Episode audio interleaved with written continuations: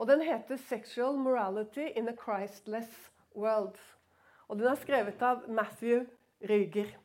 Og Det er en viktig bok å få tak i og, og lese. For deg, dessverre fins den ikke på norsk.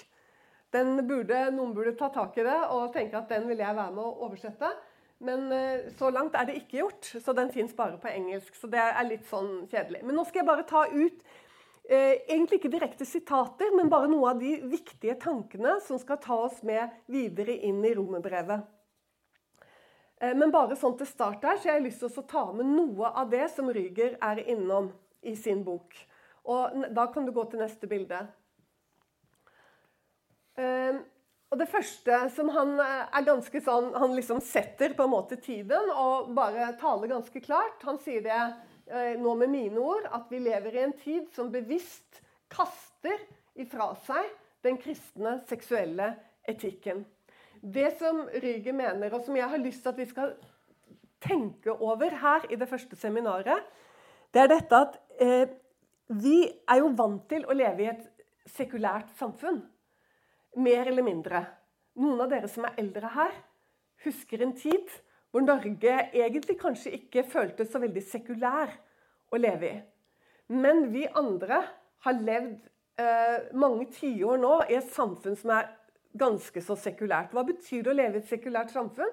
Det betyr at vi lever i et samfunn hvor for det første religion er atskilt fra stat. Du lever i et land hvor religion og stat er atskilt. Eh, det er kanskje det, eh, det, viktigste med det. Men nummer to det er at det er religionsfrihet. Det er det som kjennetegner et sekulært samfunn. Og da må du si at Norge i dag er et sekulært samfunn. Men det Ryger gjør, og som jeg sikkert ganske mange etter hvert nå har fokus på, spesielt i Kanskje ikke så mye utenfor Norge, men det begynner å komme her også, det er at vi beveger oss inn i en tid som ikke helt kan kjennetegnes med sekulær. Fordi det er faktisk en tid som blir mer og mer, det er min påstand, og også Rygers påstand, fiendtlig mot kristen etikk. Etikk, kristen etikk og moral. Ikke bare at man er fiendtlig mot det, men man avskaffer det eh, også bevisst. Og det som tidligere var forbudt Dette er jo det vi vil kjenne det igjen på. da. Det som tidligere var forbudt, blir nå feiret. Eh, det er ikke lenger sånn at det er på en måte akseptert, eller det lever litt i det stille, som vi er vant med. Nei, nå er det det feires. Det som før var forbudt, eller noe man var eh, uro, Om ikke, ikke, direkte forbudt ved lov, så var det i hvert fall sånn moralskt ikke eh, tillatelig. Men i dag så skal det feires. Det er det ene. Eh, og det som en gang ble ansett som utenkelig, anses nå som naturlig og godt. Altså, Skiftet er dette her at det skal faktisk fremelskes. Fordi det er noe som er godt, og det er naturlig, og det er bra. Og det skal snakkes om. Det som skjer da, er at kristne som står for tradisjonell etikk og moral, de blir da sett på som nærmest reaksjonære, i betydningen de lever ut en eldgammel, undertrykkende og irrelevant moral.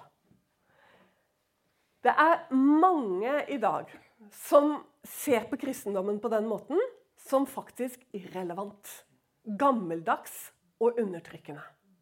Og du kan merke at Hvis du er i samtale med mennesker som representerer en sånn holdning, så kan du oppleve at det er problematisk i dialogen nesten helt fra starten av, fordi fordommene er så sterke imot kristne. Det som er farlig oppi dette, det er å tie. Det er at vi blir usynlige. Det er at vi ikke er klare på hva vi står for, og er tydelige på kristen moral og etikk, og stolt av den. Fordi motpresset blir så sterkt, og er allerede veldig sterkt, men det kommer til å bli mye, mye mer. Neste bilde. Her er bare sånn for å eh, vise noen bilder som vi etter hvert begynner å bli litt kjent med. Uh, det er liksom kjærlighet overalt, uansett. Alt er bare kjærlighet. Og det er 'bli fri'. Og jeg tenkte litt, det var så fint at dere hadde denne sangen fri. Det er jo så fint å høre dere. Uh, for det, vi representerer en helt annen frihet. Vi representerer frihet fra synd. Mens denne frihet, som da faktisk organisasjonen FRI står bak, det er de som eier Pride, det er Foreningen FRI. De står for en frihet til synd. I betydningen det fins ingen synd i dette. Det er naturlig, det er godt, og det skal fremelskes. Gjør dere gjerne litt kjent med tenkningen deres med å gå inn, dere som bruker nettet, på FRI Eh, på å se på nettsiden deres og bli litt kjent med hvordan de tenker. Fordi det er denne tenkningen som nå infiltrerer barnehagene våre, skolene våre, sykehusene våre, um, barnevernet vårt. De er inn i alle samfunnets institusjoner for å påvirke først og fremst barn og ungdommer.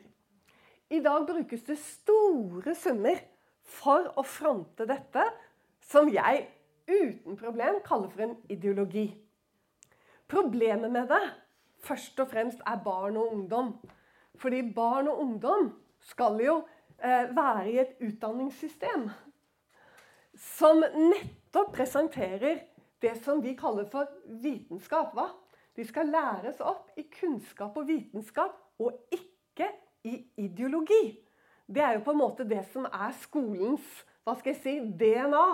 Er at den ikke skal lære ideologi. Det er jo derfor man også, ettersom man begynte å se på kristendom som en ideologi på linje med annen ideologi, så ble det heller ikke lov å forkynne i skolen. Men det man da ikke vil se, er jo at FRI, og det de står for Det er vanskelig å si at det er FRI som står for det fordi at det er så infiltrert. Sånn at eh, jeg skulle ønske at noen en dag kunne gi oss linjene i dette, så vi så hvilke krefter som er involvert, og hvem som faktisk står bak. For det er mye mer enn en norsk organisasjon. Det er et mye, mye større nettverk som er Eh, om ikke globalt, det tror jeg blir litt voldsomt å si. For det er mange som land i dag som står sterkt imot denne ideologien. Men den er europeisk, den er amerikansk, den er vestlig. Og i den forstand så er den ganske global blitt. Disse bildene tenker du at Eva, er det ikke litt søkt å ta ut disse her, eh, bildene av eh, drag queens sammen med barn? Overhodet ikke. Det har ikke kommet så langt i Norge ennå. Vi vet at uh, i sommer så hadde de dragshow for barn fra fire til åtte år på Egertorget i fire dager hvor det var viktig at barn skulle bli kjent med dette med drag. Men det er bare en begynnelse. I England i dag så er det helt vanlig å bruke drag i barnehager. Det er faktisk noen som er ønsket og ville at barn skal eh, bli kjent med denne type seksualitet. Det har i hvert fall ingenting å gjøre i en barnehage eller på skoler. Men det er det man ønsker, å lage disse koblingene. Etter hvert så blir det også mer og mer vanlig at man ser menn som er gravide. Det er selvfølgelig ikke menn som er gravide, men det er eh, kvinner som er i eh, kjønnsskifte, og som stopper selve skiftet over til mann. Hun ser allerede mandig ut, men hun er fortsatt fruktbar. Så Dermed så ser du bilder, og disse er det blitt ganske mange av, av menn, eh, gravide menn. Så vi er på vei inn i en helt, helt ny kultur. Spørsmålet er hvor nytt er det? Mye av det er veldig nytt. En god del av det er gammelt. Da kan du ta neste bilde. Det bildet her sånn, det For noen av dere så er det sikkert ubehagelig å se på det. Da kan du la være å se på det. Men eh, jeg eh, ville bare eh, få det fram og vise det tydelig. Dette henger på Farris, Farris bad hotell i Larvik. Det er mange meter bredt og flere meter høyt. Og det er i en passasje hvor det løper små barn, hvor det er familier som er på weekend. Og det er en obskøn scene fra en orgie. Uh, jeg fikk så sjokk når jeg så dette bildet, at jeg gikk til ledelsen med det.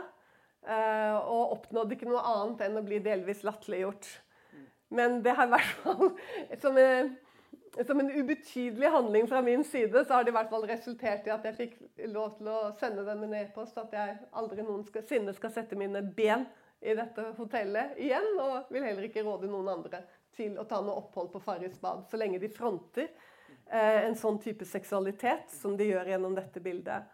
Og jeg synes også, Om de ikke akkurat de fronter det, så syns jeg uansett at det er en uhøflig og, og, veldig lite gjennomtenkt ting å henge opp på noe som i stor grad er en familie, et familiehotell. Men dette er sånne bilder som vi må begynne å venne oss til. Fordi at eh, det er en feiring av seksualitet. Feiring av annerledeshet, som ikke er annerledeshet, men som er naturlighet, for å si det sånn. Sånn at det er liksom ikke lenger eh, slik at vi har de vante båsene med heterofil, homofil, lesbisk. Derfor har vi faktisk også fått en del både lesbiske og homofile som eh, advarer mot denne kulturen. Fordi den er ikke så opptatt av legning. Den er opptatt av et mangfold av muligheter for legning. Og den legningen du har i dag, er det ikke sikkert du har i morgen. Så legning er noe som er flytende. Både identitet og seksualitet oppfordres til mangfold. Foreningen FRI, for deg som så det, de kaller seg for eh, Foreningen FRI for eh, seksualitetsmangfold og identitetsmangfold. Så begge deler for dem er, er, flytende og noe som det skal oppfordres til å utforske. Og ikke tenke at jeg er sånn eller sånn, men utforske.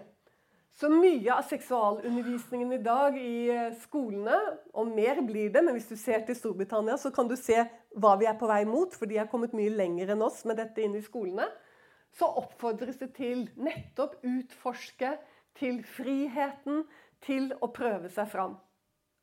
Vi har også hatt eh, på NRK3 eh, oppfordringer til i deres tenåringsprogrammer om at både barn og voksne burde være mye mer nakne sammen. Man burde faktisk danse nakne sammen. Man burde feire nakenhet. Og lære barna å ikke skamme seg over kropp. Ja, det er en god ting, men det spørs om dette er en god ting. At voksne og barn skal eh, eh, oppholde seg og danse og være mye mer nakne sammen.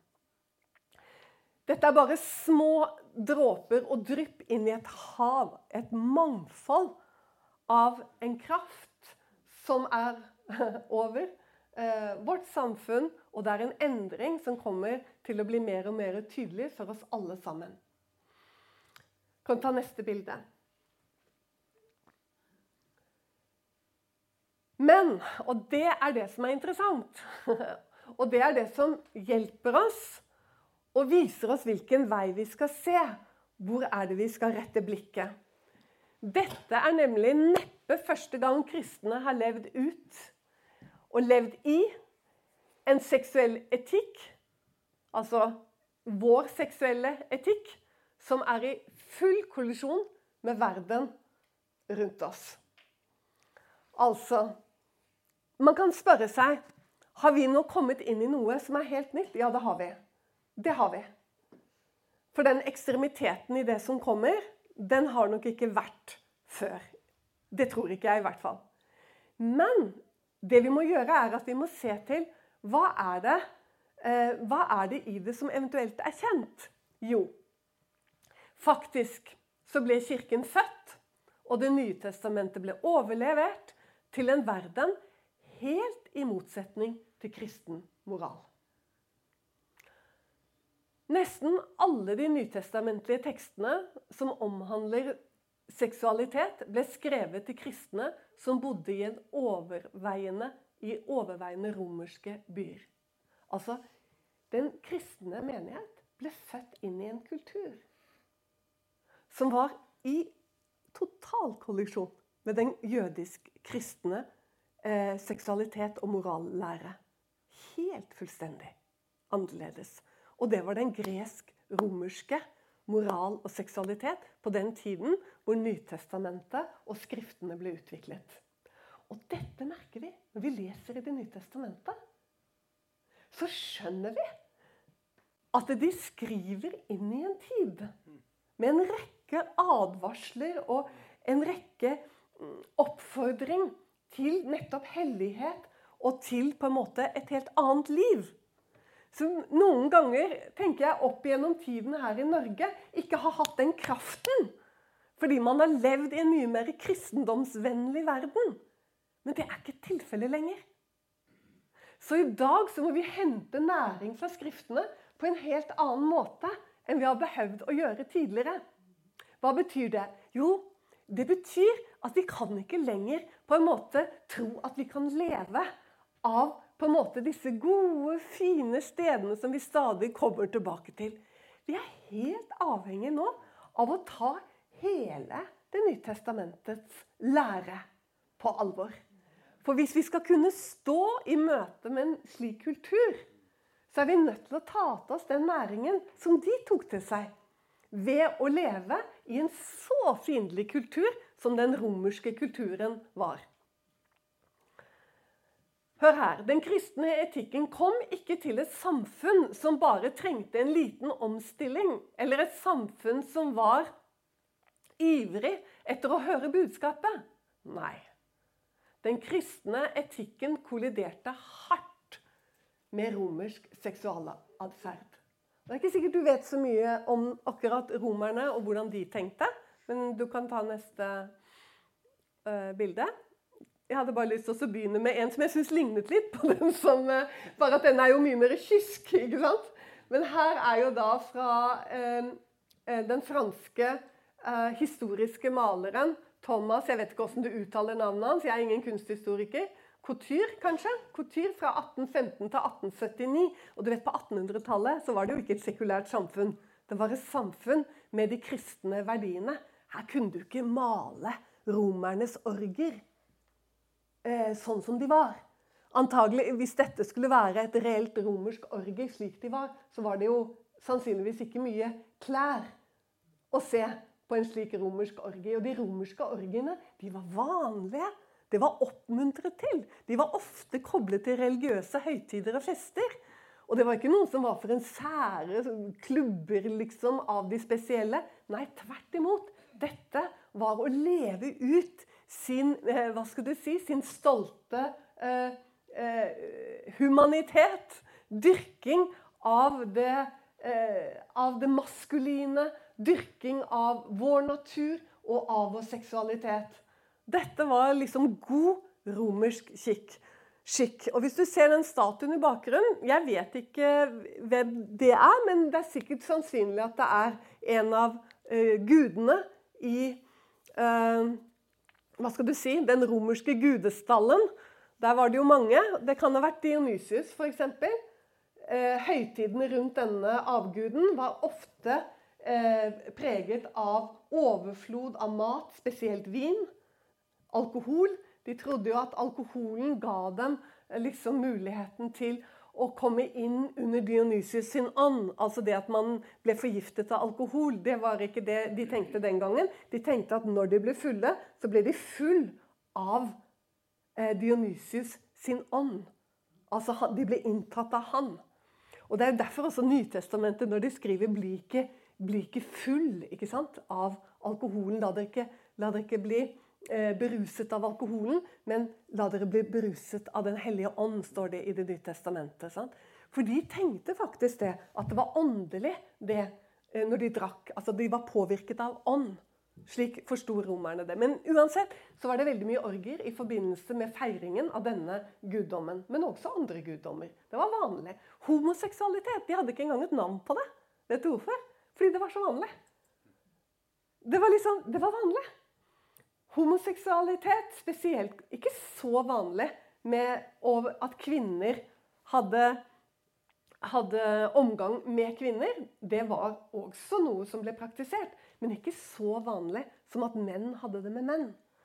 Dette var et svært patriarkalsk samfunn. Det var svært mannsdominert. Og det var mannen som eh, på en måte Kvinnen hadde ikke noen god rolle i det romerske samfunnet. Vi kan godt ta neste bilde. Sånn at, eh, La oss bare se litt. Grann. Sånne sjokkerende ting, kanskje. Kanskje du visste alt fra før av. Romerne tenkte ikke i termer av seksuell legning. Seksualitet var knyttet til ideer om maskulinitet. Mannlig dominans. Og adopsjon av det greske forståelsen av seksualitet. I det romerske sinnet tok de sterke det de ville ta. Simpelthen.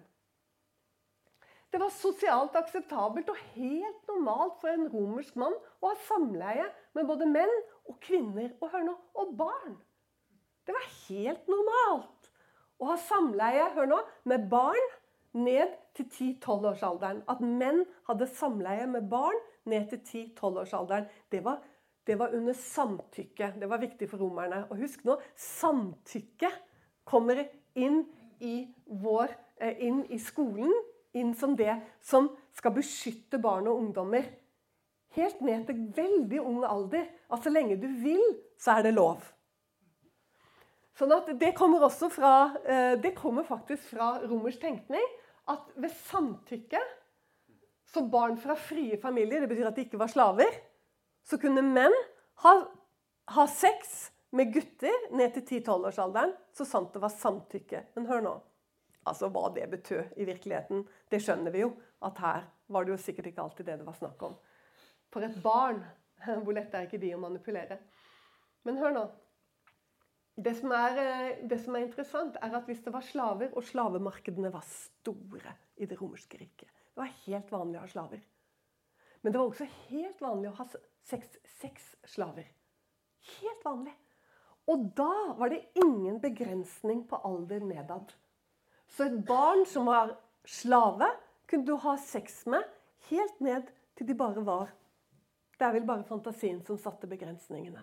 Og dette vet man i dag, fordi man også innenfor arkeologi så har man det.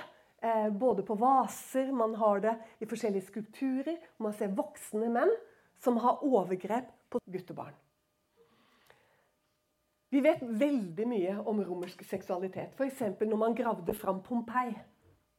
Da ble jo arkeologene sjokkert på den tiden over alle freskene inne i villaene som fortsatt sto.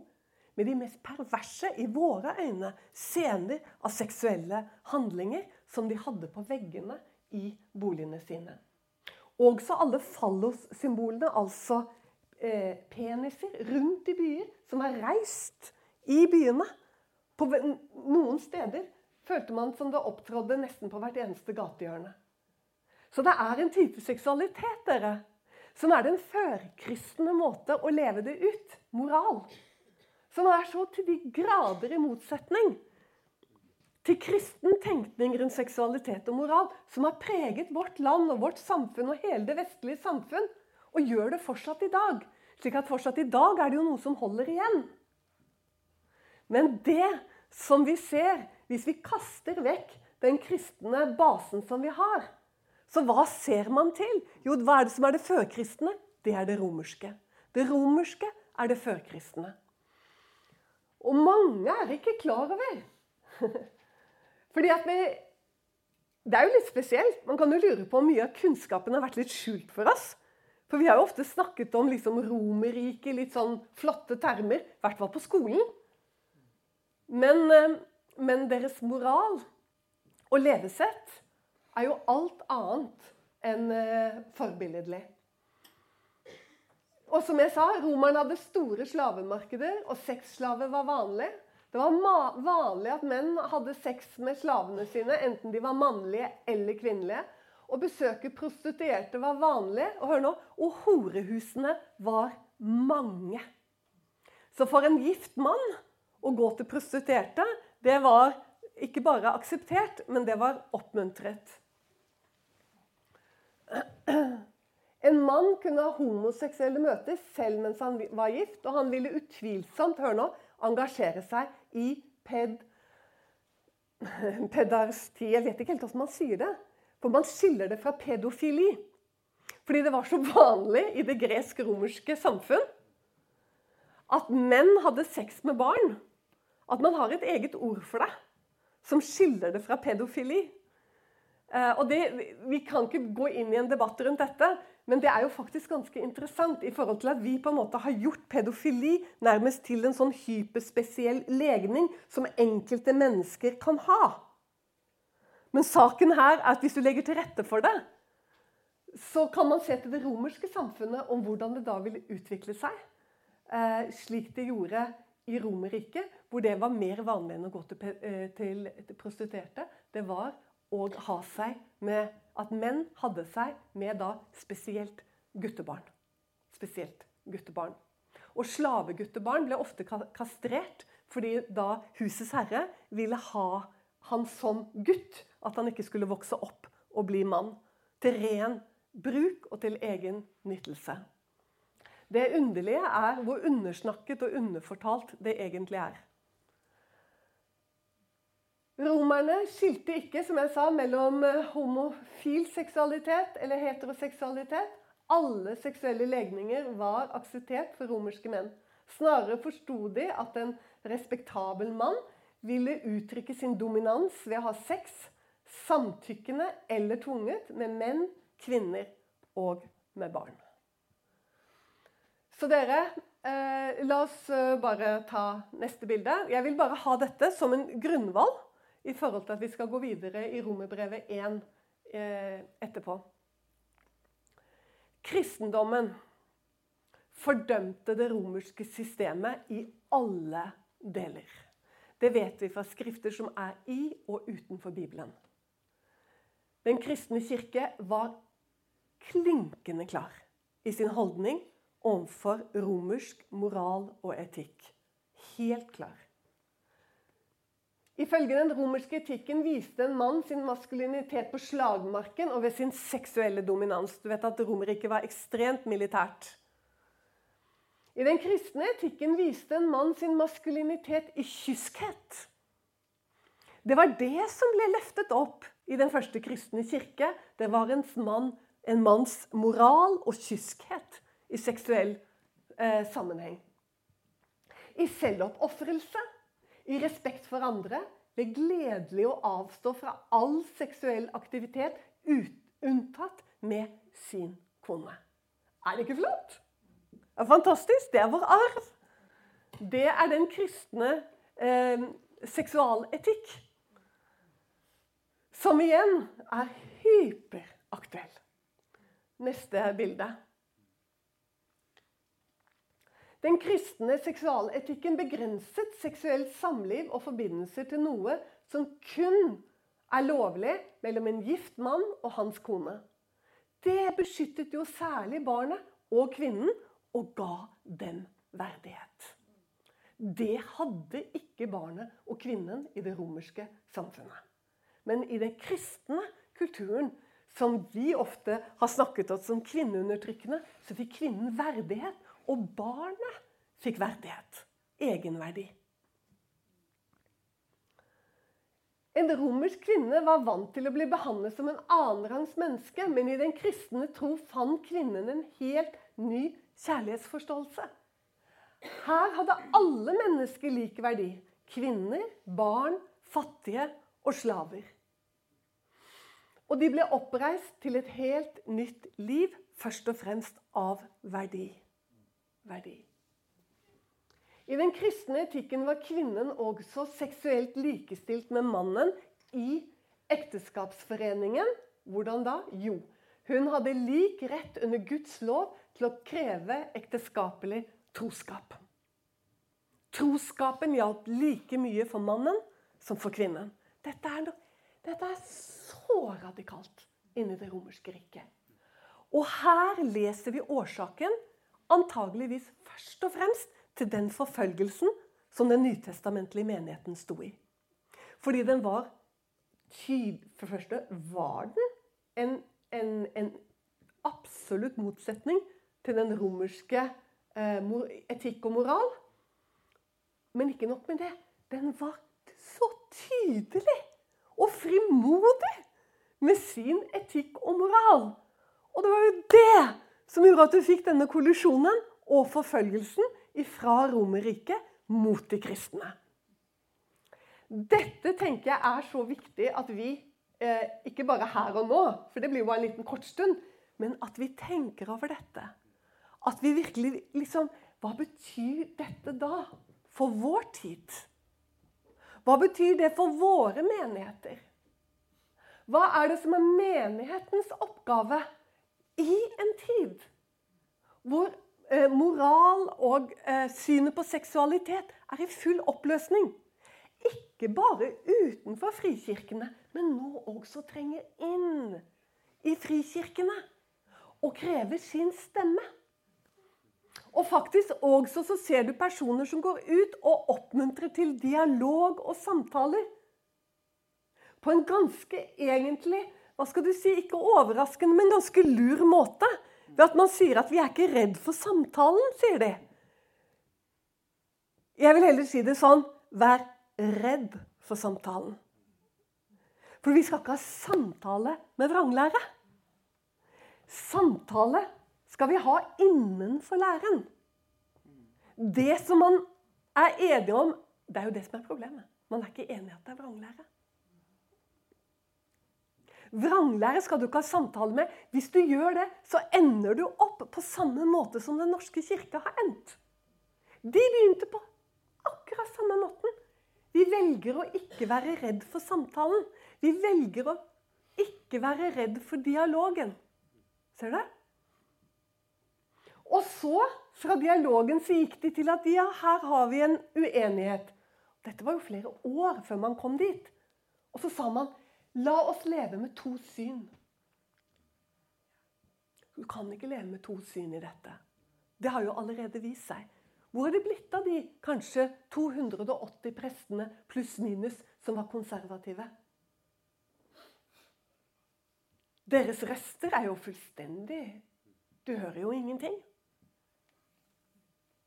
For det som skjer, da, er at innenfor bispekollegiet så er det vel er det noen konservative der igjen som mener, som sitter med tradisjonelt syn på homofilt samliv inn i en kristen sammenheng.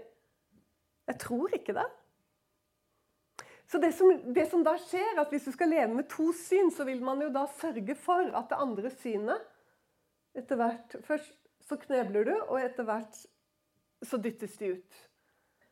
Og i dag, hvorvidt man kan si at Den norske kirke lever med to syn, det gjør den nok, for det finnes konservative prester som, eh, som forbeholder seg retten til å ikke vie homofile. Men om de vil kunne oppleve nyansettelser av dem, eh, det tror jeg blir komplisert. Og derfor, siden nå Frikirken har fått lov å stå og se utviklingen i Den norske kirke over såpass mange år, så er det jo all grunn til å frykte samtalen. For det var jo nettopp der det begynte, med samtalen. I stedet så burde vi se til Hvor skal vi se? Jo, vi må se til vår arv. Vi må se til de første kristne, fordi de sto i en kultur og i et samfunn som lignet på vårt. Og spesielt lignet det i forhold til seksualitet og moral. Så det er jo dit vi må se. Hvordan var det de på en måte forholdt seg imot det, eh, den kulturen som de ikke kunne gjøre noe med der ute, annet enn at mennesker ble frelst og ble tillagt menigheten. Men den voktet læren. Innenfor menigheten. Her er det en helt annen lov og en helt annen kultur. De sto ikke og fordømte ut der. Nei, de søkte gjennom gjerninger og forkynnelse av evangeliet at mennesket ble frelst. Men i menigheten, der voktet de læren. Det var en helt annen eh, kultur enn den kulturen som var utenfor. Og for, som jeg sa, eh, for de romerske kvinner og barn så var det sikkert en, ah, et fristed og et godt sted. Og det var vel spesielt også mange kvinner som strømmet til menigheten ut ifra eh, Romerriket.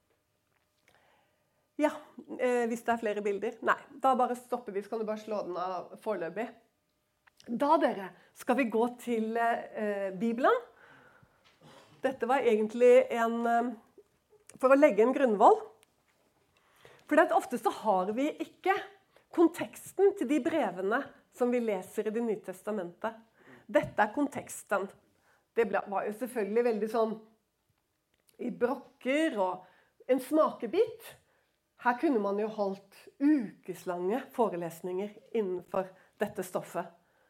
Men det var en smakebit på den kulturen som Nytestamentet ble født inn i. Og hva er mer nærliggende enn å gå til romerbrevet til Paulus? Og det har så lyst til at du skal se. Det er den utrolige frimodigheten til Paulus. Så jeg tenker liksom Paulus, er du, er du gal? Sant? Jeg tenker Det er nesten utrolig Paulus, at du beholdt hodet så lenge før du ble halshugd. Han ble jo halshugd til slutt, da. Men at du overlevde så lenge. Og så kommer det. Til alle Guds elskede, kalte, også til Bøva, men her Romerriket. Til alle Guds elskede, kalte, hellige som er i Rom. Nåde være med dere og fred fra Gud vår Far og den Herre Jesus Kristus. Altså hellige. Vet du, For romerne, som, kom, altså som var romere og ikke jødiske romere Dette ordet 'hellig' bare det må jo være kjempeinteressant for dem. Sant? Alle dere atskilte dere som er tatt ut av Romerriket. Er, dere er i Romerriket, men dere er ikke lenger av Romerriket. Dere er av en helt annen kultur. Og så, dere, så går det ikke så veldig mange versene nedover før han går rett og slett til frontalangrep på romersk kultur. Både deres religion og deres moral. Snakk om, altså, i åpningen av dette lange et, Vel det mest kjente brevet Paulus har skrevet. Han går rett og slett til et kulturangrep helt i begynnelsen av brevet. Han bare setter standarden for de som er frelst av romere, for å vise på en måte hvordan de nå representerer noe helt fullstendig annet. Og så sier han da fra 18. verset Det er bare så utrolig. For Guds vrede For det har de lært om at det kommer dom. Det hører til grunnvollen sant, i Guds ord. Læren om dom. Så sier han For Guds vrede åpenbares fra himmelen over all ugudelighet og urettferdighet hos mennesker som holder sannheten nede i urettferdighet. Han går mot romerne. For det en kan vite om Gud, ligger åpen for dem. For Gud har åpenbart dem det. For hans usynlige vesen, både hans evige kraft og hans guddommelighet, er synlig fra verdens skapelse. Altså Her angriper han deres avguder og den troen som romerne har. For han sier at skaperguden, både hans usynlige vesen og hans evige kraft, hans guddommelighet, den er synlig fra verdens skapelse. Hæ? Jo, sier Paulus, i det det kjennes av hans gjerninger. Altså, hans gjerninger vitner om selvfølgelig fins Gud. Så sier Paulus derfor er de uten unnskyldning. Hæ? Jo, Fordi enda de kjente Gud, vers 21, dog ikke æret eller takket han som Gud, men ble dårlige i sine tanker. Og deres uforstandige hjerte ble formørket. Dette er Paulus sine ord om den kulturen som disse menighetene kommer fra, og som de lever midt oppi i hverdagen. Deres uforstandige hjerte ble formørket. Hør nå. Mens de gjorde seg av til å være vise. Og det var, det var jo sant, den gresk-romerske kultur. Bare tenk på filosofien som utviklet seg ikke sant? ut av det greske. Er det noe de ga seg av med, så var det jo akkurat det som Paulus sier. Sant? Visdommen. ikke sant? Filosofi, hva betyr det? Kjærlighet til visdom. Jo, det var de gode på. Og så sier Paulus mens de gjorde seg av å være vise, ble de dårer fordi de fornekter den ene sanne, levende Gud, den som har skapt himmel og jord. Som han mener er åpenbart for alle.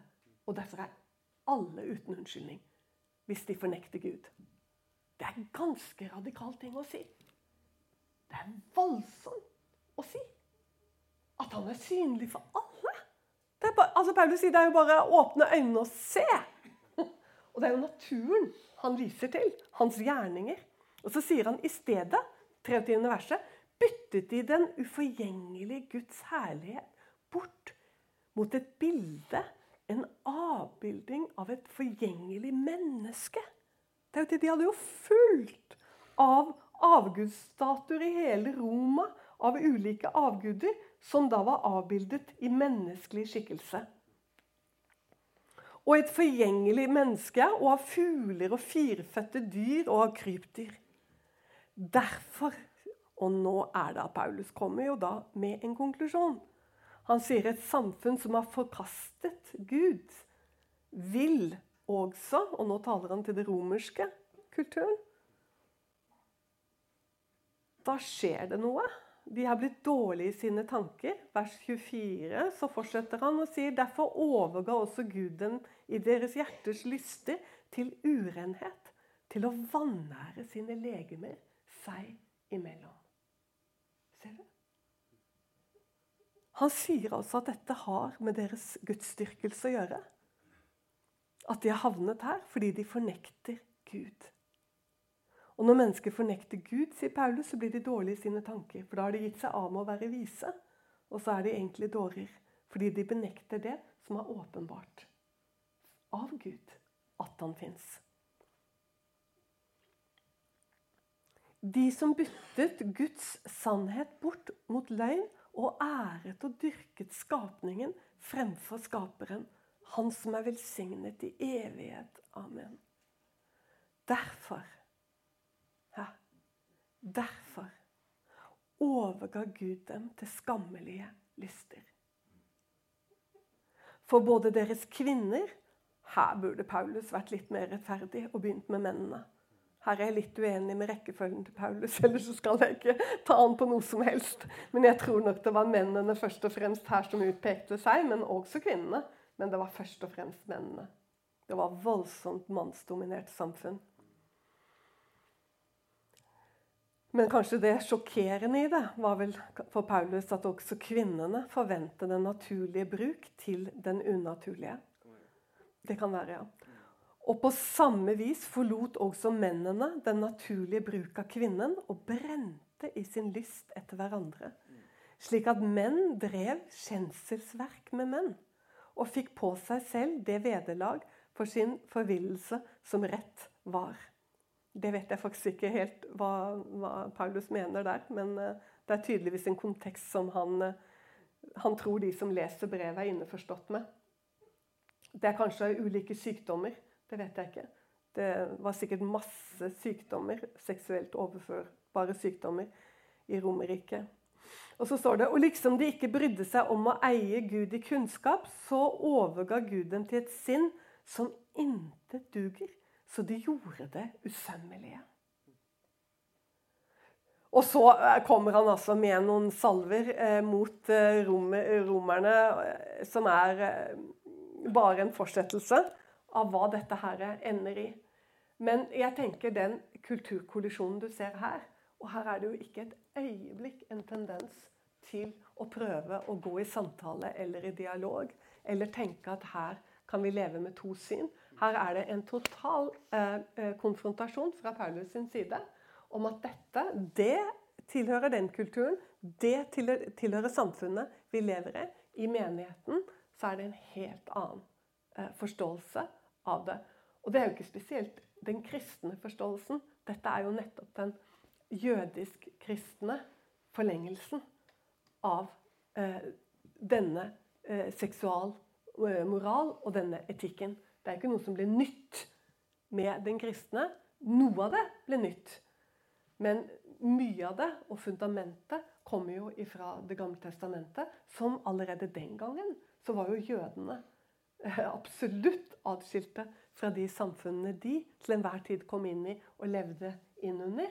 Fordi det var vanlig også i andre samfunn, ikke bare i det romerske, med at man hadde en helt utsvevende eh, eh, moral og en helt annen type etikk enn den som har sprunget ut av den kristne etikk. Så jeg syns i hvert fall, jeg håper dere også, syns det er litt sånn spennende å tenke over hvilken tid og hva som preget den kulturen som Paulus sitter og skriver romerbrevet inn i. Og hva er hverdagen og livet til de romerne som nå har kommet inn i menigheten? Hva er det de er oppvokst med? Hva er det de er vant med? Jo, de er vant med en type forståelse av seksualitet som ligner mye mer på vår tids syn på seksualitet enn eh, en eh, eh, Ja, ikke enn, egentlig. Men du får jo eh, Vi får lov til å være med og så se en linje som gjør at vi behøver ikke også bli, liksom tenke at hvordan være kristen inn i dette? Eller nå må vi liksom tenke hva gjør vi nå? For hvordan skal vi være menighet inn i denne tiden? Og så føler man som kirke at man har ikke noe sted å vende seg. Men vi har jo absolutt det. fordi at vår kristne tro blir jo nettopp født inn i et sånt samfunn som vi nå er på vei inn i. Så er det noe den kan, så er det nettopp dette. Og er det noe den tåler, så er det nettopp dette. Men det vil avhenge av at vi åpner Bibelen, kanskje på nytt. Og at vi er villige å se på de tekstene på nytt. Som var mat og næring og livsnødvendig for de som levde på den tiden. De kunne ikke leve av loff, for å si det veldig eh, hva skal du si, med et eh, gammelt, barnslig språklig bilde.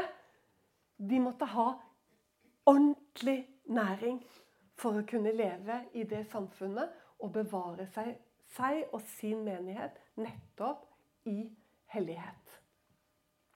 Atskilt fra den kulturen som var herskende. Dette her er hyperaktuelt for menigheten nå. Hvordan gjør vi det? Er det tilpasning?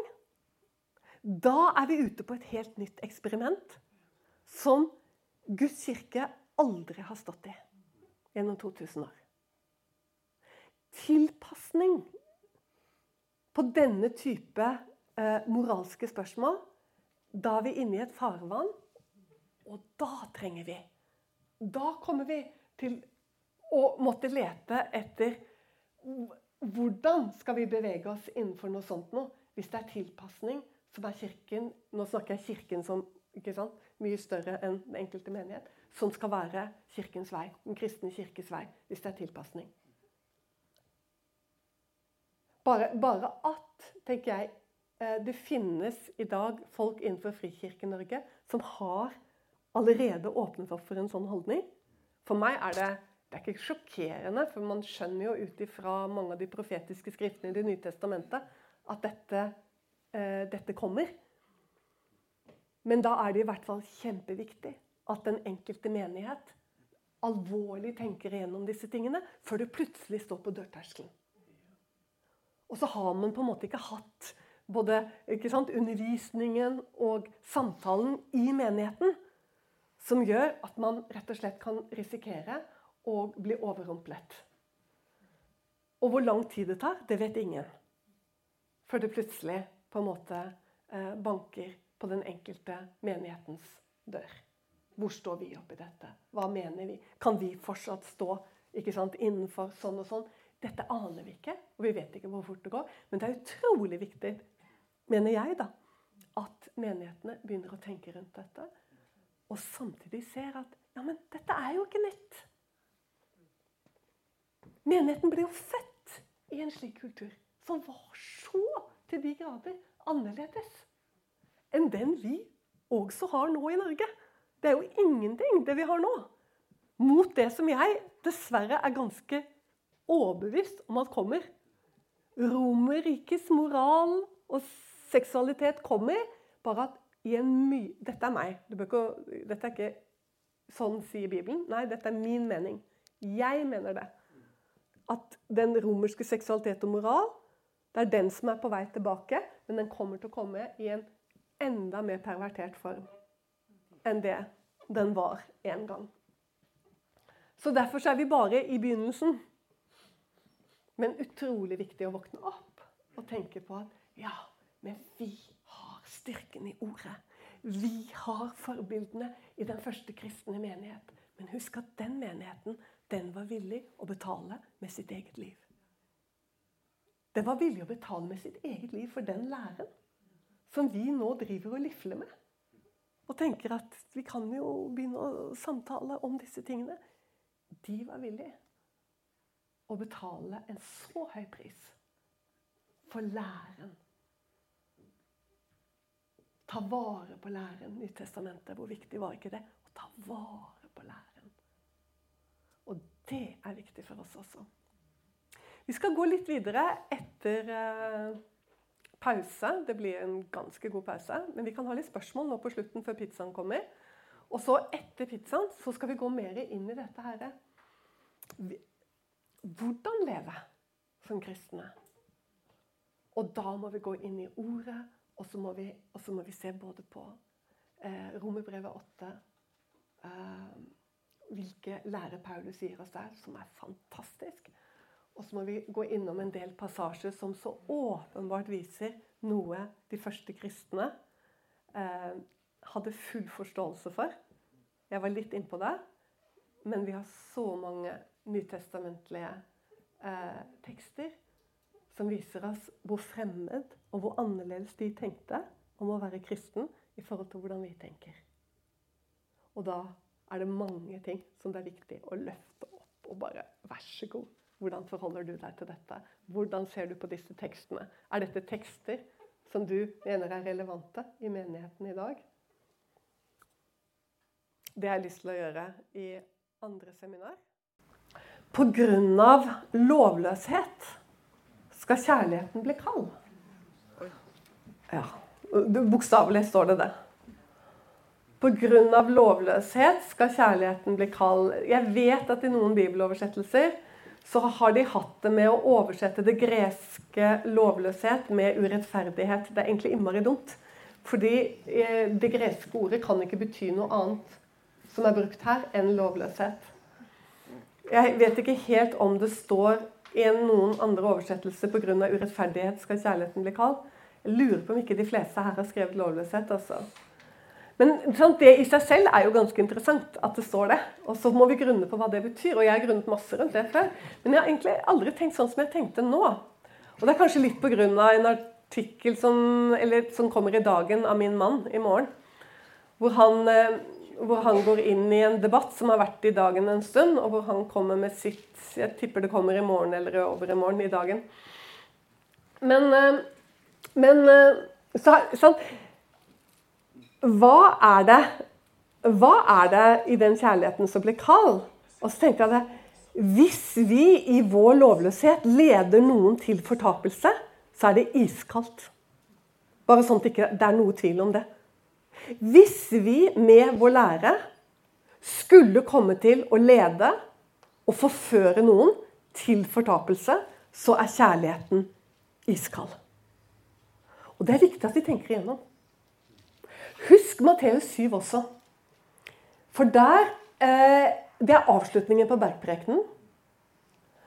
Og da står det at Jesus, eh, at mange skal komme til min dag. Dette er sitat av Jesus hvordan han avslutter bergprekenen. Så sier han mange kommer til meg på hin dag og sier Har vi ikke profetert i ditt navn? Har vi ikke gjort store og mektige gjerninger i ditt navn? Dette er sårt. Dette er vonde, vonde tekster, altså. Og så sier han Bort fra meg, dere som gjorde lovløshet. Det er en viktig ord å ta til seg. Dette med lovløshet fra Jesus sin munn kommer mange ganger. Og det er viktig at vi forstår det rett. Og jeg sier ikke at jeg alltid forstår det rett, men jeg sier det er viktig at vi alle forstår det rett.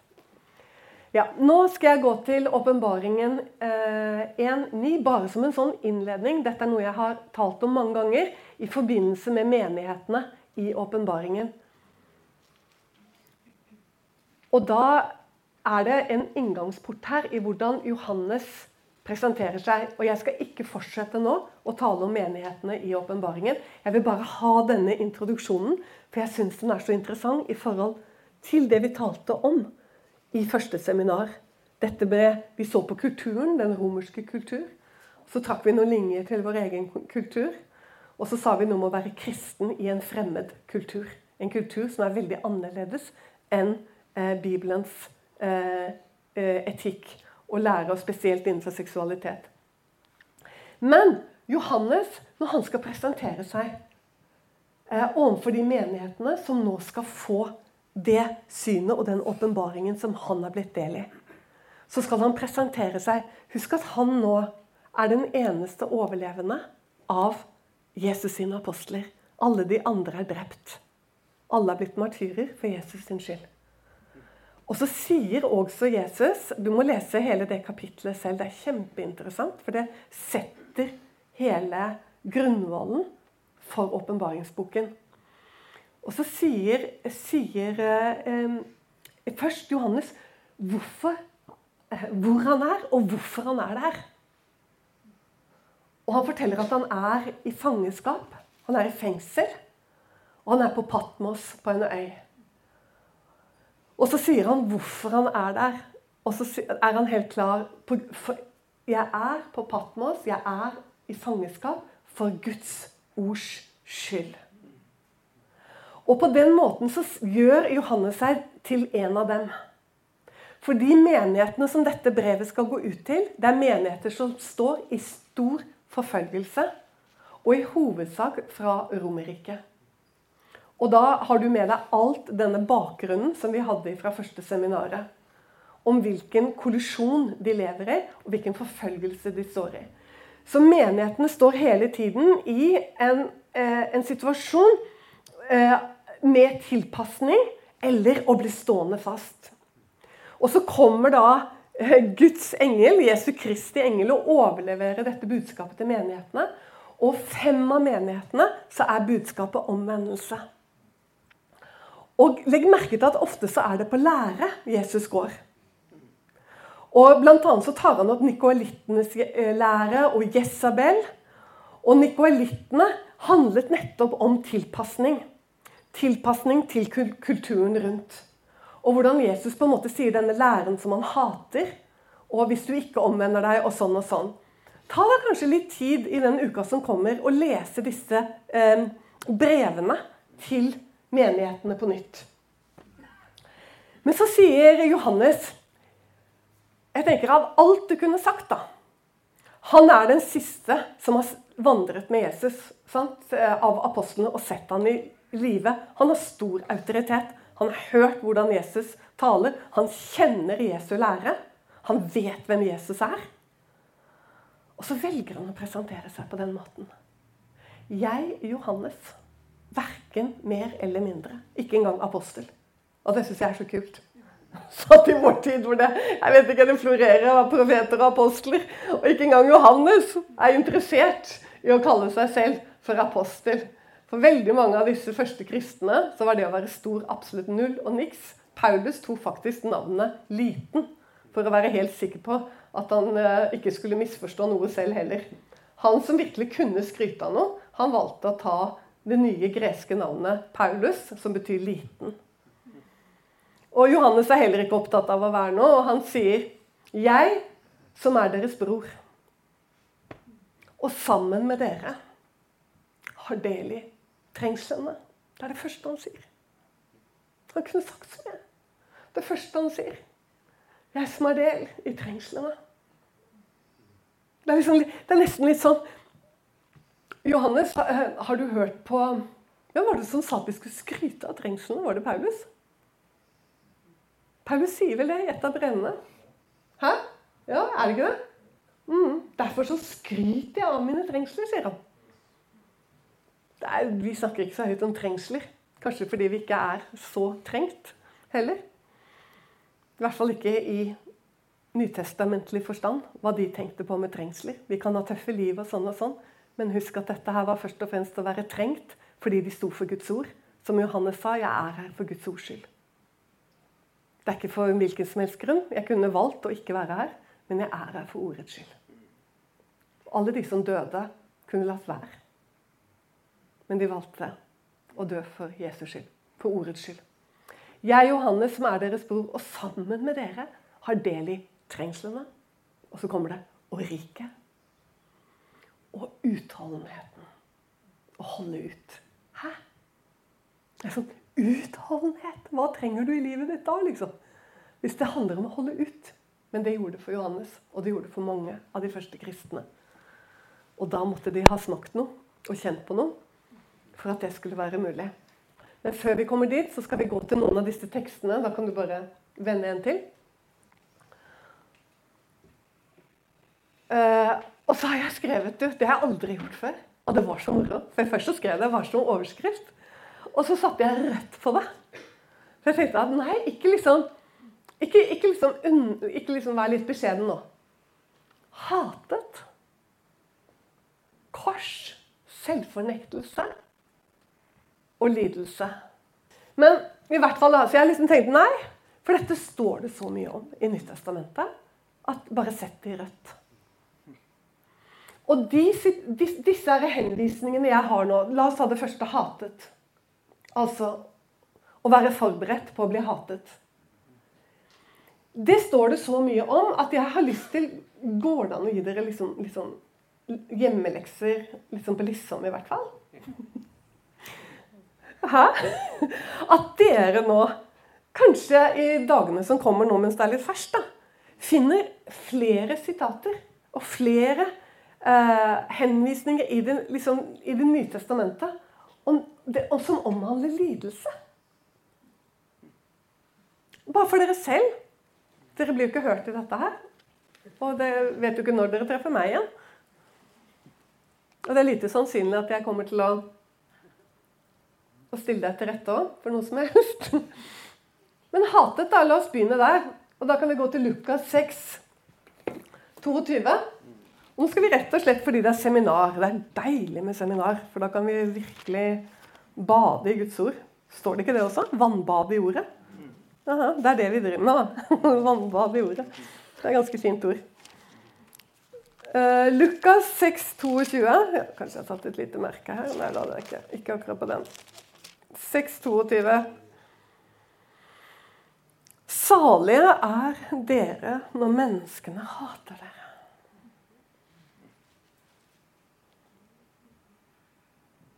Og når de ikke vil vite av dere, hvorfor skal de hate oss? Hvorfor skulle de ikke ville vite av oss? Og spotter dere og kaster deres navn fra seg som noe ondt. For menneskesønnens skyld. Jeg kan si deg én ting her i dag. De kommer ikke til å hate deg, spotte deg eller noe som helst fordi du sier du tror på Jesus. Og det er punktum. Det de skal spotte deg for, det de skal hate deg for, det de skal lyve ondt på deg for, det er for Guds ords skyld. Fordi du står for Guds ord, og da varsler Jesus at dette kan skje. Ikke vil vite av dere og hater dere og spotter dere. Og kast Veldig sterkt. Vi leser det fort. Vi burde ikke lese så fort. For dette her sånn, det gjør vondt. Johannes 3, 19. Og jeg sier igjen, dette er bare et lite knippe. Sikkert ikke uvesentlige steder jeg har valgt ut, men allikevel, det fins så mye mer. Dette er dommen, at lyset er kommet til verden, og menneskene elsket mørket framfor lyset, for deres gjerninger var onde. For hver den som gjør ondt, hater lyset. Der ser du lyset i ordet. Og kommer ikke til lyset for at hans gjerninger ikke skal bli refset. Jesus han sa noe som vi skal ta med oss nå, til brødrene sine, som skulle dra opp til høytiden i kapittel 7, 7, vers 7, kapittel 7 i Johannes evangeliet. Verden kan ikke hate dere, men meg hater den fordi jeg vitner om den, at dens gjerninger er onde. Vi hører eh, Vi hører eh, kulturkollisjonen mellom ordet og samtiden til Jesus og til disiplene, og vår også. Johannes 15, 18.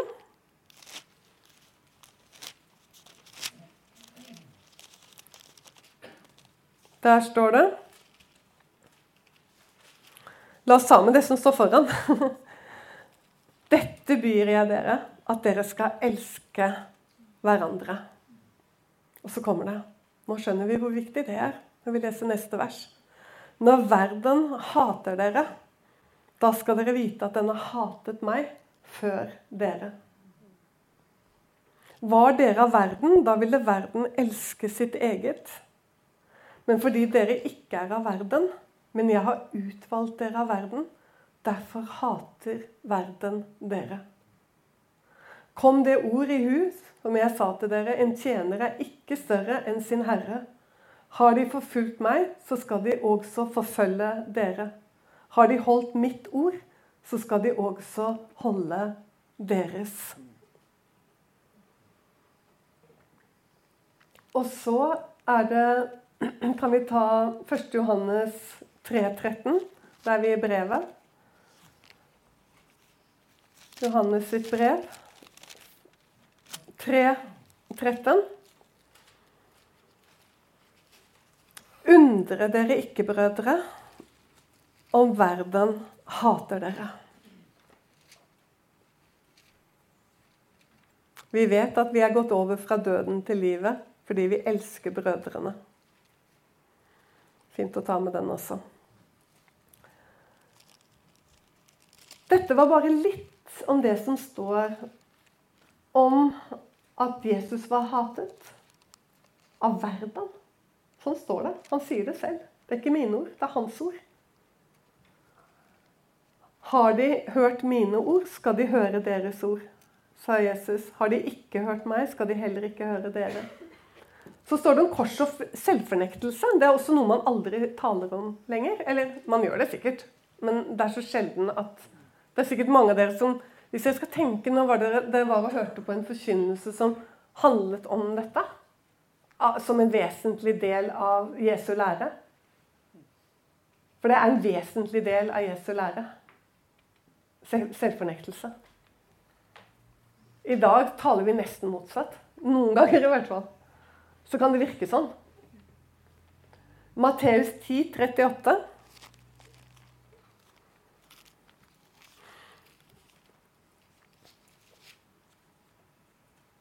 Det da får jeg nesten lyst, Siden vi nå er her på et seminar for å åpne vanskelige ord av Jesus, spesielt, men også apostlene, men spesielt Jesus, så syns jeg vi skal lese dette i sin sammenheng. For det er en av de passasjene som veldig, veldig sjelden får lov å bli hørt i menighetene våre. Og jeg har heller ikke talt mange ganger over dette. Det kan jeg telle på under én hånd, tror jeg. Dere må ikke tro, vers 34, at jeg er kommet for å sende fred på jorden. Jeg er ikke kommet for å sende fred, men sverd.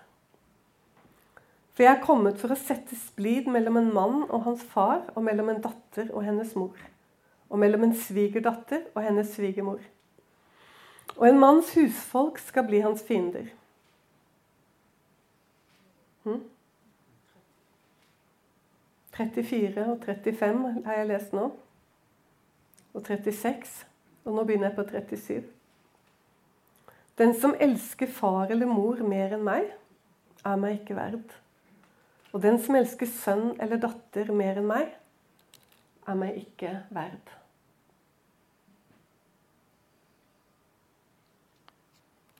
Det er Jesus. Men så var det jeg har da valgt ut til kors og selvfornektelse. Og den som ikke tar sitt kors Den som ikke tar sitt kors opp, står det jo hos andre av evangelistene. Men her står det bare 'den som ikke tar sitt kors og følger etter meg, er meg ikke verd'. Den som finner sitt liv, skal miste det. Og den som mister sitt liv for min skyld, skal finne det.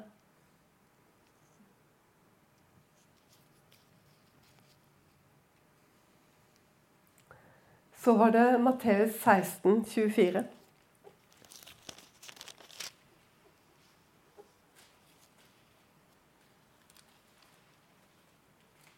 Vil noen komme Da sa Jesus til sine disipler, 24. verset. Vil noen komme etter meg, da må han fornekte seg selv og ta sitt kors opp og følge meg. For den som vil berge sitt liv, skal miste det, men den som mister sitt liv for min skyld, skal finne det.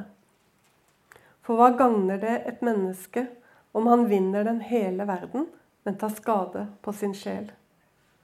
Eller hva vil et menneske gi til vederlag for sin sjel?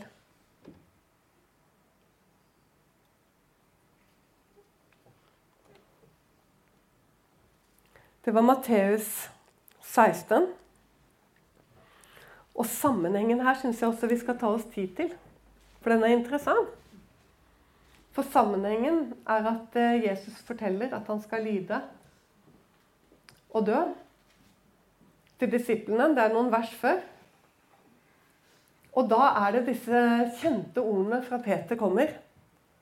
At uh, Du må ikke si sånn, liksom. Dette her vil vi ikke høre. Sånn, jeg tenker det er litt sånn der, eh, En så negativ uh, bekjennelse vil vi ikke ha. Ja? Er, for meg klinger det litt sånn, uh, hva skal du si, karismatisk pinsevenn på høyden. Liksom, Du må slutte å liksom tale så negativt. ikke sant? Må, du må ikke bekjenne det. liksom. Det er nesten sånn, for Peter er skikkelig på. Og det står at han, han går i rette med Jesus. Han gjør det. Han irettesetter Jesus. Så det er jo sånn, altså. Og da kommer disse ordene fra Jesus, som er eh, ganske voldsomme. Det er vel de mest voldsomme ordene vi har i evangeliene. Og han sier at 'vik bak meg, Satan'. For du har ikke sans for det som hører Gud til. Bare det som hører menneskene til. Og du, den, du. Den er viktig, den.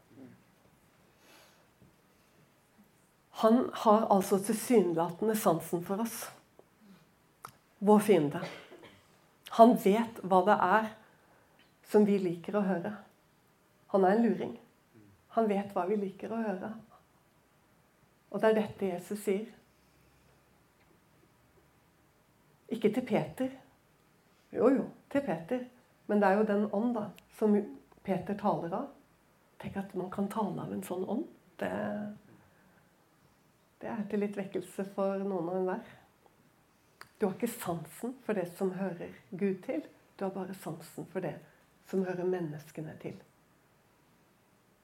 Det hadde vært eh, viktig forkynnelse inn i vår tid. Så tenker jeg det. For spørsmålet er Dette står her, nå er vi bare kommet halvveis.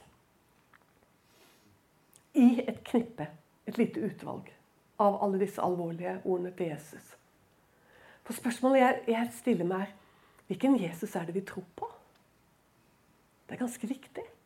For Hvis vi sier liksom at disse tekstene blir for vanskelige, de må komme i en altså, Det er mange ting vi kan gjøre da. Men kanskje vi må spørre oss selv Fordi vi ønsker virkelig å tro på den Jesus som er den sanne Jesus. Og hvordan kan vi finne den sanne Jesus? Er jo her. Vi er sammen i bønn. Vi er sammen i lovsang. Men jeg tør ikke å bygge på lønnkammer-Jesusen eller lovsangs-Jesusen. Forstår du hva jeg mener? Uten Skriftens Jesus. Og Derfor syns jeg det er så underlig. Hvorfor har vi kommet i den leia at vi har en tendens til å bare tale disse kjente, eh, litt behagelige ordene som han også var masse av? Men det var jo like mye av dette her. Og det er det jeg syns er så rart. For da må vi jo kjøre slalåm gjennom Bibelen. For det er så vanvittig mange, spesielt av Jesus, det er jo ikke så mye av Paulus, av sånne hypersalte passasjer. Det er ikke så mye av Peter av det. Ikke så mye som Jesus. Det er han som kommer med de mest vanskelige ordene.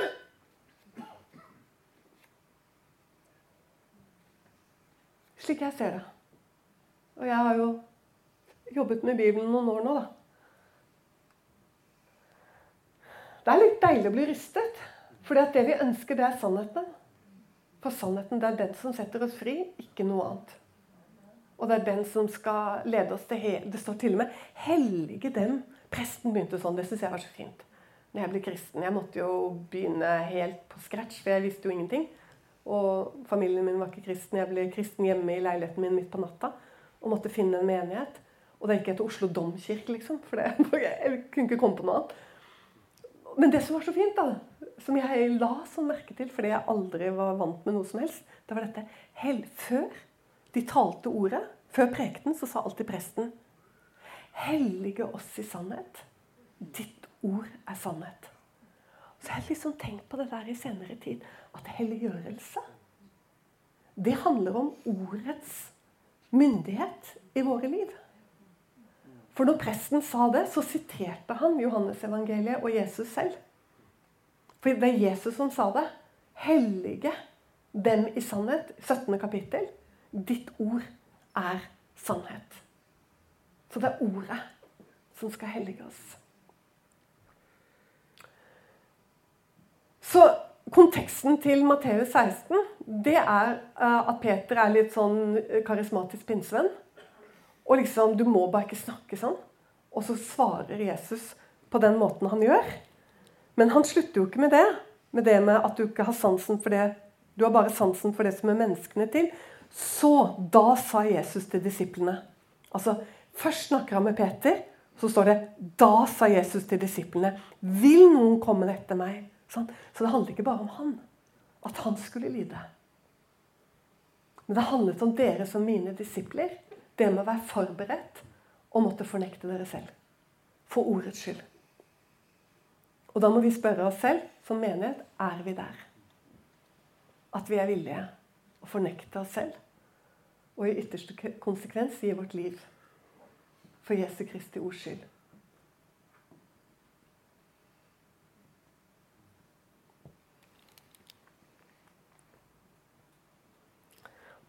Ja. Og så Markus 8,34. Og han kalte folket til seg, til like med sine disipler, og sa til dem.: Den som vil følge etter meg, han må fornekte seg selv og ta sitt kors opp og følge meg. For den som vil berge sitt liv, skal miste det, men den som mister sitt liv for min skyld og for evangeliets skyld, han skal berge det. For hva gagner et menneske, kommer det igjen, om han vinner den hele verden og tar skade på sin sjel?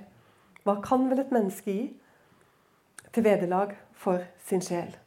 For den som skammer seg ved meg og mine ord, i denne utro og syndige slekt Hør åssen Jesus snakker. Han skal også menneskesønnen skamme seg ved når han kommer i sin fars herlighet, herlighet med de hellige engler.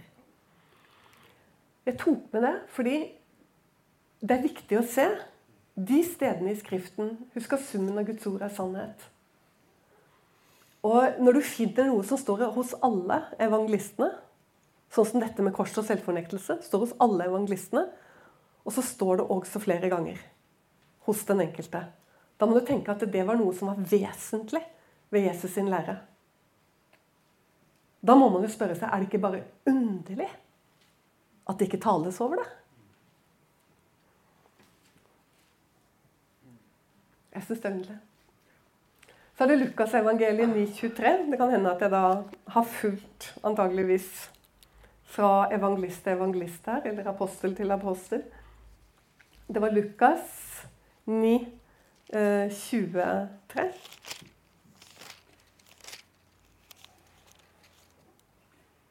Og han sa til alle ja. Først så snakker han om sin egen lidelse i 22. verset. Menneskesønnen skal lide meget og forkastes av de eldste og ypperste prestene skriftlærde og slås i hjel og oppstå på den tredje dag. Og så snur han seg. Sånn ser jeg det. Han sa til alle, ikke sant? Vil noen komme etter meg? Da må han fornekte seg selv. Og hver dag, skriver Lukas. Lukas legger til hver dag og hver dag ta sitt kors opp og følge meg. For den som vil berge sitt liv, skal miste det. Men den som mister sitt liv for min skyld, han skal berge det. Og så kommer det videre. Eh, veldig likt det vi leste ifra, ifra mm, Markus og Matteus. Men la oss gå tilbake igjen til Lukas 14 Nei, vi var hos Lukas. Jeg mener Markus og Matteus. Ja, nå skal vi til Lukas 14, 27. For der står det Og den som ikke bærer sitt kors og følger etter meg, han kan ikke være min disippel. Og så, kommer, og så kommer han med denne lignelsen om dette tårnet. Om en som skulle bygge et tårn, og som ikke hadde regnet ut hva det kostet. Hva det ville koste han. Om han hadde nok til å fullføre det med. For at ikke når han har lagt grunnen og ikke er i stand til å fullføre det, alle de som ser det, skal da begynne å spotte ham og si denne mannen begynte å bygge og var ikke i stand til å fullføre det. Og så gir han en lignelse til og sier Hvilken konge som drar ut for å møte en annen konge i strid, setter seg ikke først ned og rådslår om han med 10 000 mann er i stand til å møte den som kommer imot ham med 20 000. Men kan han ikke da? Da skikker han sendemenn Nå blir det veldig gammeldags språk her. jeg håper Du har sikkert en litt bedre enn nå. Da, sender han da budbærere til ham mens han ennå er langt borte, og tinger om fred. Og så kommer det. Og så kommer det. Derfor kan ingen av dere være min disippel uten at han oppgir alt han eier. La oss stoppe der litt. Var det veldig lett å forstå sånn med en gang?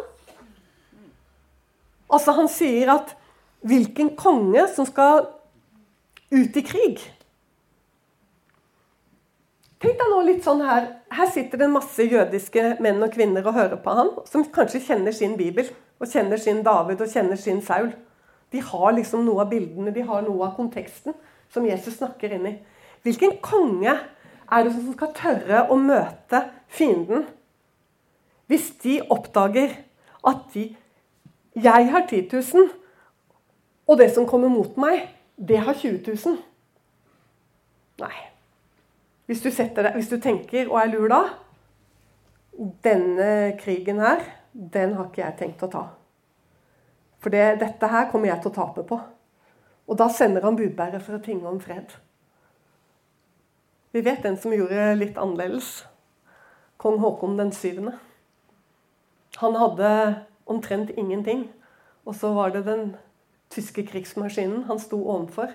Og hele den norske regjering sto og sa til han at øh, Konge, nå må du slutte å tulle. Vi må, vi må starte med samtale med tyskerne. Vi må gå inn i forhandlinger. Og så står denne gudfryktige kongen og sier Ingen overgivelse og ingen forhandlinger. Og det raste, altså. Han fikk det med seg etter hvert, og heldigvis hadde han sønnen sin, Olav, med seg. Og så, dere, om ikke, om ikke å bli hatet og kors og selvfornektelse var nok i et seminar, så har vi også noe om lidelse som står i Bibelen. Og det står mye om det.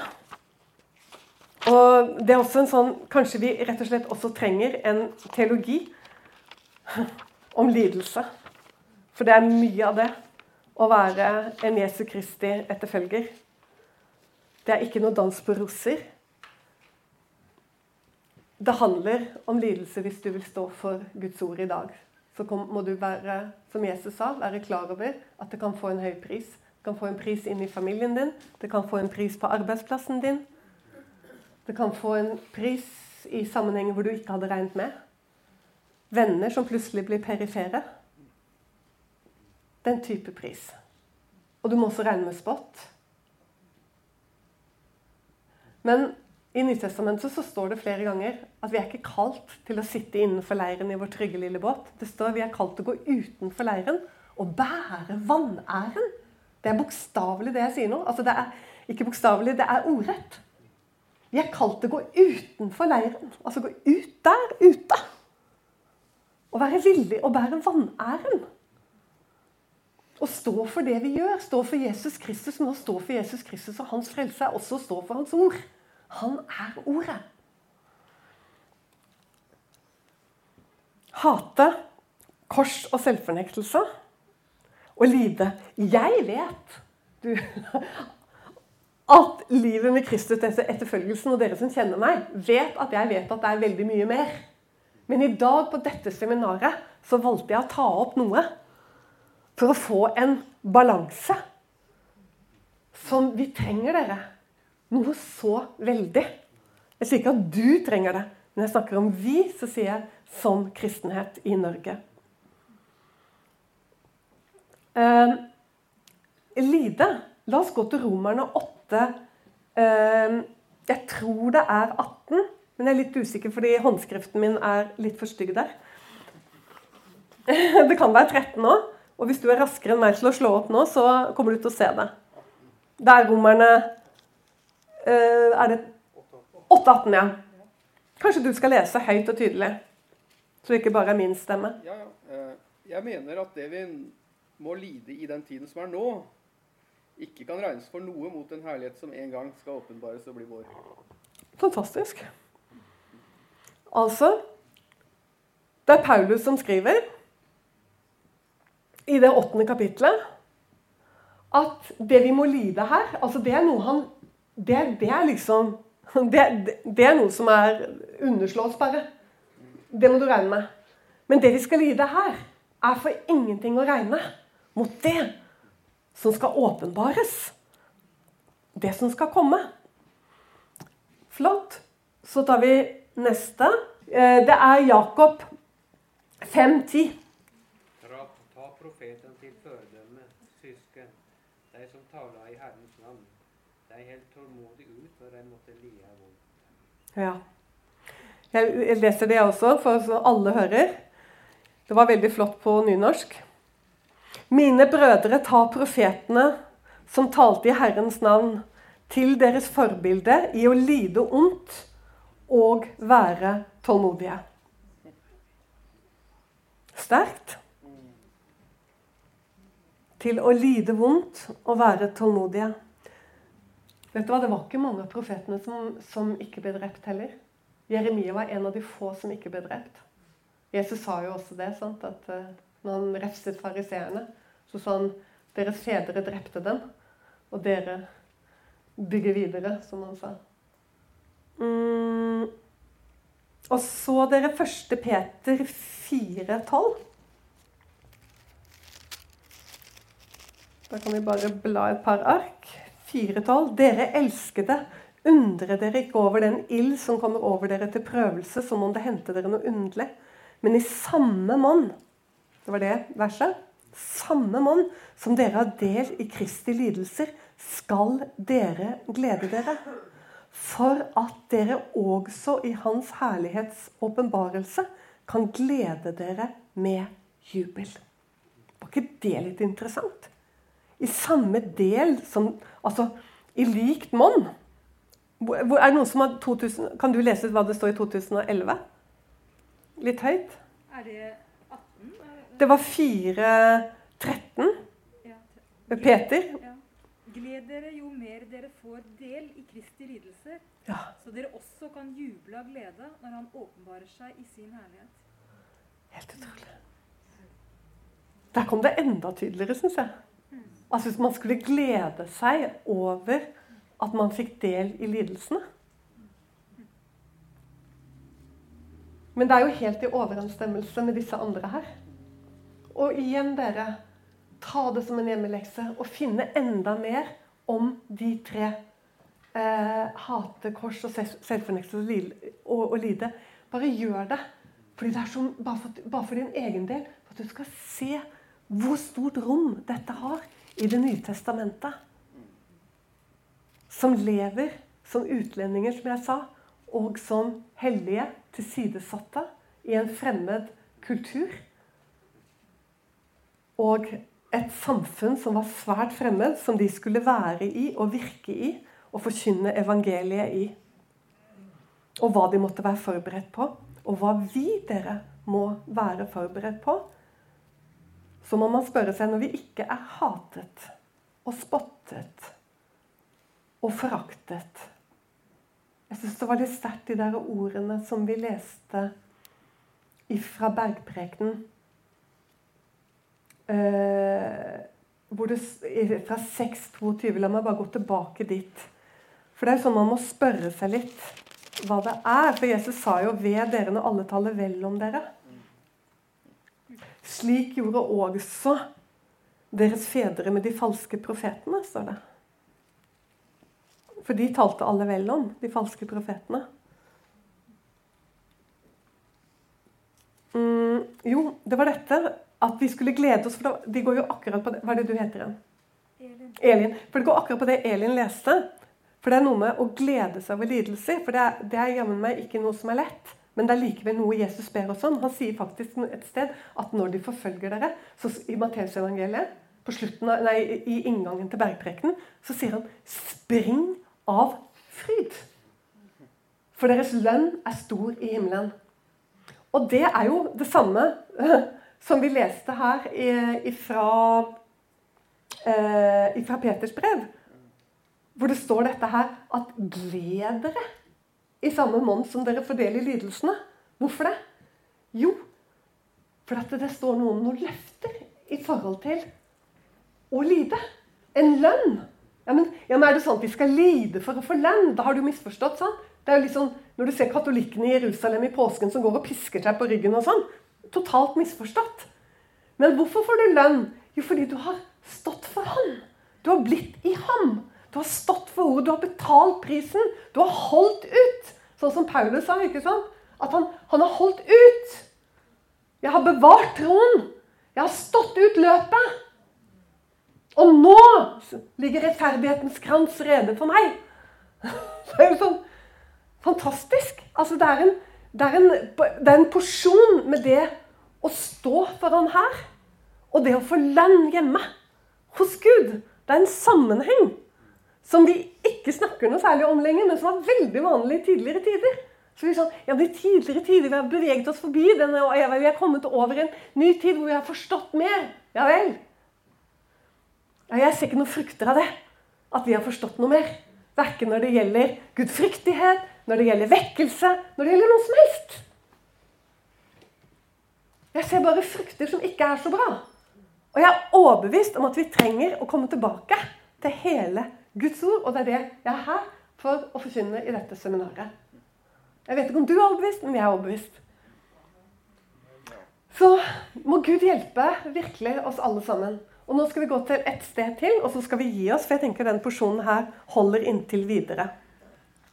Og det er det kjente eh, verset fra Filipperne 1.21. Uh, og det er Paulus, og det er helt i hans i åpningslinjen i introduksjonen til eh, til uh, filipperne. Og det står på denne måten i de 29. verset. For dere ble det unt for Kristi skyld ikke bare å tro på ham.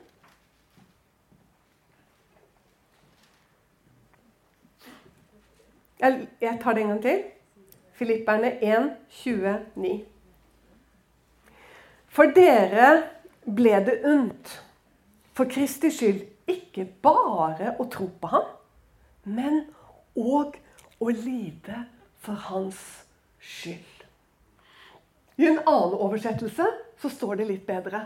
For der står det Dere har ikke bare fått nåde til å tro på ham, Interessant. Det tipper jeg det står i din i 2011. Den er enda bedre. Akkurat der i hvert fall, og mange andre steder òg. Men ok. Dere har ikke bare fått nåde til å tro på ham, men dere har fått nåde til å lide for hans skyld. Det er flott. Så når du står i vanskelig situasjon for Kristi skyld, så skal du vite at det finnes nåde i den situasjonen du er i.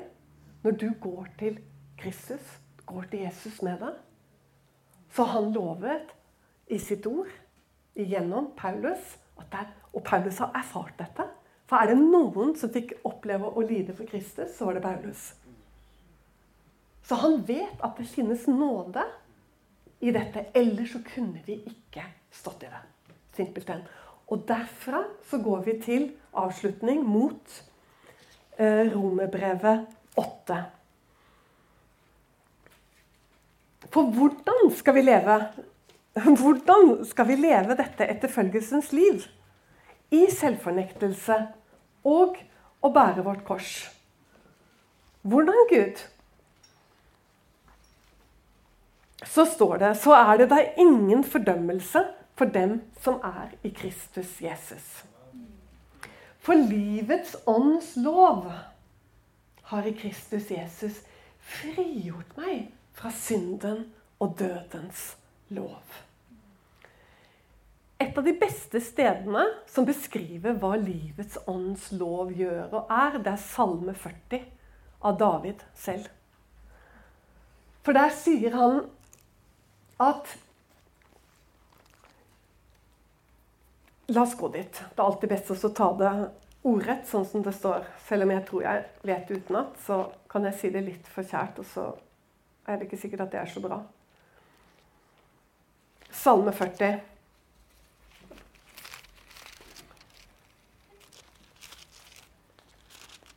Å få Åndens lov, det beskrives her fordi her taler David profetisk i 7, 8 og 9. Og fra 8 så er det Messias Kristus selv som taler gjennom Davids munn. Og der står det for Her står det til slakteoffer og matoffer, står det i syvende verset, har du ikke lyst. Altså alle våre gjerninger, alt det vi må gjøre. Altså offer. Det er jo det det betyr. I gammeltestamentlig forstand så var det slakteoffer. I nytestamentlig forstand så kan det være tiende. Det kan være alle de tingene du gjør i menigheten, alle ofre du gir. Alt som du da kan gjøre. Og som er vel og bra. Men allikevel så står det jo da da sa jeg, se, jeg kommer. I bokrullen er meg foreskrevet, eller i bokrullen er det skrevet om meg. Det er Kristus nå som taler gjennom Davids sin, sin, sin munn. Og så kommer det niende verset. Og her har du livets ånds lov, hva det er. Å få ånden. Å bli omskåret på hjertet. Det er det bare Gud som gjør ved at han føder oss på ny og utøser sin ånd, sin kjærlighet, i våre hjerter. Og det er slik. Å gjøre din vilje, min Gud, er min lyst, og din lov er i mitt hjerte. Stå med oss økonomisk og i bønn. Du finner oss på utentvil.com.